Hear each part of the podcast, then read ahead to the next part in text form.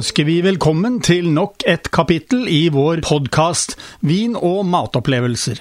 Som vi har gjort tidligere, vil vi tilby deg gode tips om mat og vin, ikke minst nyheter etter hvert som de kommer på Vinmonopolet. I tillegg til det vil vi ta spesielt for oss kombinasjoner av mat og drikke.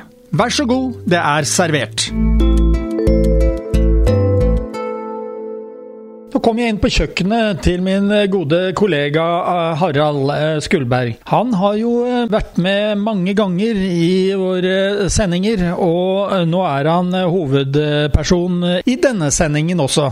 Og, og, her står han over noen gryter og kar og rører rundt og ordner. Harald, hva er det du skal lage for noe nå? Akkurat nå så står jeg på den rett nummer to. Kremet pasta med kylling og sopp og bacon og purre. Ja, Du sa eh, rett nummer to. Hva, hva, er det som er rett nummer én? da? Ja, du, det er en eh, skalldyrsalat. Og det er med reker, krabbe og blåskjell. Og så er det ruccolasalat. Det er mango. Det er avokado og masse koriander. Og nå er det jo slik da at eh, mange sier at eh, ja, reker f.eks. det har eh, ikke noe markant smak, men den har gjerne en, en liten sødme i seg også. Så da vil ofte mange da tilsette litt friskhet i form av sitron eller forskjellige ting når de spiser reker. Hva, hva er det du har puttet inn her da for å liksom skape denne friskheten? Ja, du har jo mango. Og så har jeg brukt mango balsamico, som gir en veldig sånn frisk smak. Og som, som, jeg tror passer godt med, med rekene, og, og, for så vidt eh, blåskjell og krabbe også. Ja, Nå blir jeg veldig sulten, så jeg gleder meg til å smake på dette her. Men eh, da skal ikke jeg forstyrre deg mer, fordi nå ser jeg at du har eh, litt av hvert å klargjøre. Så da, da skal jeg trekke meg litt tilbake, så du får gjort det du skal. Ja, Da har maten kommet på bordet, og uh, dette ser fristende ut og uh, veldig delikat. Og jeg gleder meg. Men hva slags vin har du planlagt til dette her, da? Ja, det er jo en vin fra rosévin fra Provence. En, en veldig lys, lysfarget. Det som de sa på, på polet når de jeg spurte om vin til, til skalldyrsalat og jeg fortalte hva jeg skulle ha oppi, så la de veldig vekt på at jeg hadde mango i. Det var noe som skulle på en måte passe inn at det var mango. Mango har jo en veldig sterk smak, og den, det syns jeg passet veldig godt. Ja, nå, nå, har jeg smakt både på salaten og jeg har smakt på vinen, og uh, dette passet som hånd i hanske. Vi har ikke nevnt det fram til nå, i hvert fall, men det er altså en Chateau de Berne Inspiration Rosé fra 2019 koster altså 200 eh, kroner for en flaske. Men eh, for å si det sånn, det er i hvert fall min mening at det er den verdt. Det er en eh, solid vin. Jeg, må jo innrømme at jeg har vært nede på Slottet en del ganger. Og har smakt meg gjennom både det ene og det andre. Og jeg er veldig glad for at vi får denne her på Vinmonopolet. Det er en rosévin med en delikat rosa farge, lys rosa. Akkurat sånn som provansviner eh, av rosétypen bør være. Det er en tørr vin. Eh, akkurat eh, god balanse mellom sukker og syre. Denne er mindre enn tre gram sukker. Dette er knusk. Dette er knusktørr. Så kald og god. Jeg ser den eh, står Altså, den er duggfrisk i flasken, ser jeg. og smaker da eh, litt sånn tropisk frukt også. Det, det, er jo godt og varmt der om sommeren. Så altså, her får du fram litt fersken, aprikos, og det matcher sannsynligvis litt, eh, litt mango. Og så er det da passe med syre, og det gir vinen en god struktur. Druene skal vi også nevne. Det er Kinsaut, det er Grenache og det er eh, druer som går igjen veldig ofte der nede. Har du smakt den før? Nei, det har jeg ikke gjort. Men det er klart at eh, når man tenker på rosévin, så er jo Provence et av områdene man tenker først på. Jeg har reist litt rundt der nede mange ganger, og øh, opplevd øh, flotte vinprodusenter, annet denne. Og det er øh, viner jeg velger. Hvis jeg velger en Provence rosévin av de slottene jeg kjenner, så, så, er jeg sikker på at jeg får god vin. Så, så dette er et trygt valg, vil jeg si. Ja, nei, som sagt, dette er første gangen, og det var en veldig, veldig godt bekjentskap, altså. Men eh, da eh, skal vi bare vente litt, og så eh, tror jeg det skal komme noe mer godt på bordet. Ja, Harald, nå har du da servert oss ja, tagliatelle, får vi si. Og det er en kjøttsaus over. Det er vel også riktig å si. Men det er litt av hvert i denne kjøttsausen. Det var ikke småtteri. Og så har du gitt oss litt eh, pesto, rød pesto. Og så var det jo selvfølgelig parmesanost.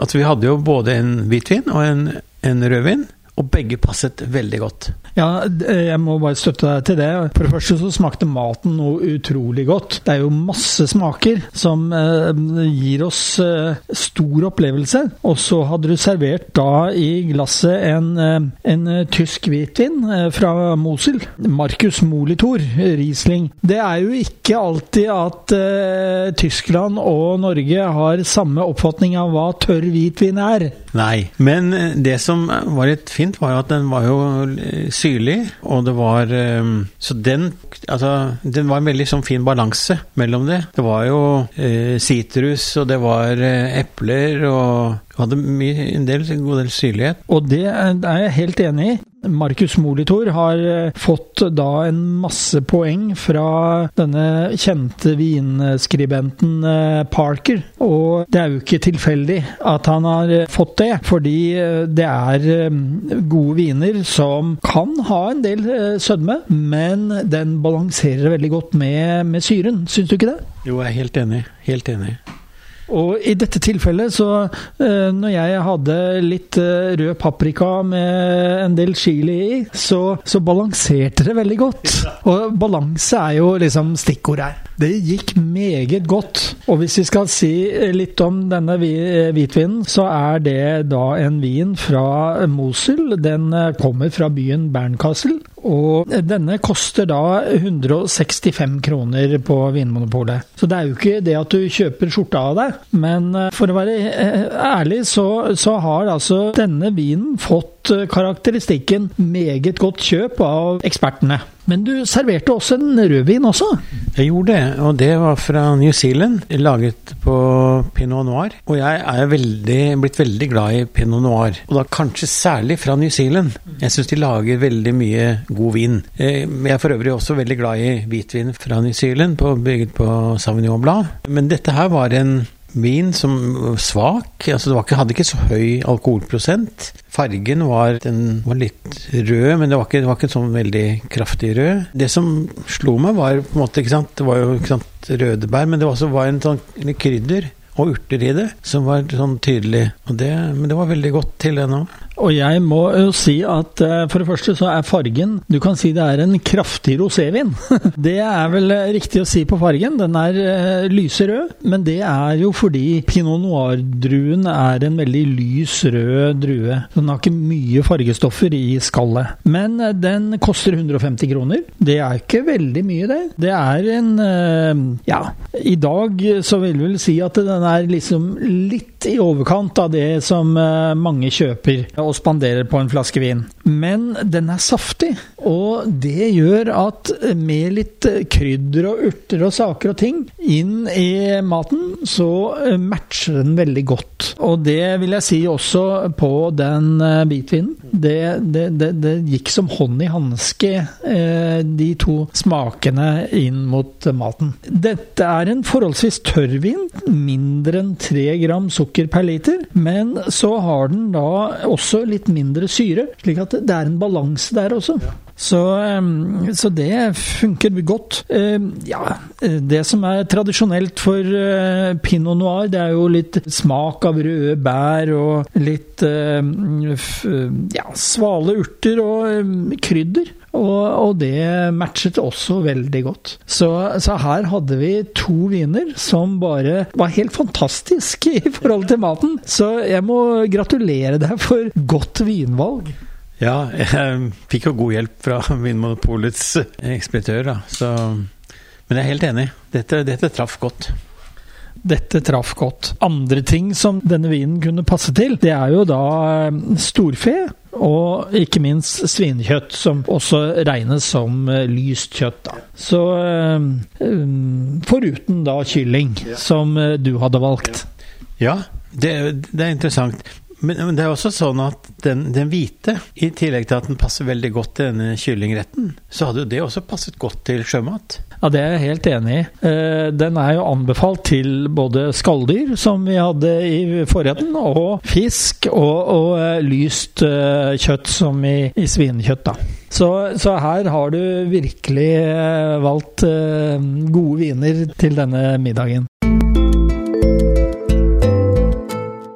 Har du fått dagens podkast fra Radio Riks Oslo om mat og vin. Hvis du ønsker å abonnere på den, slik at du får den automatisk når nye blir lagt ut, kan du gjøre det. Kommende mandag får du neste kapittel. Vi høres!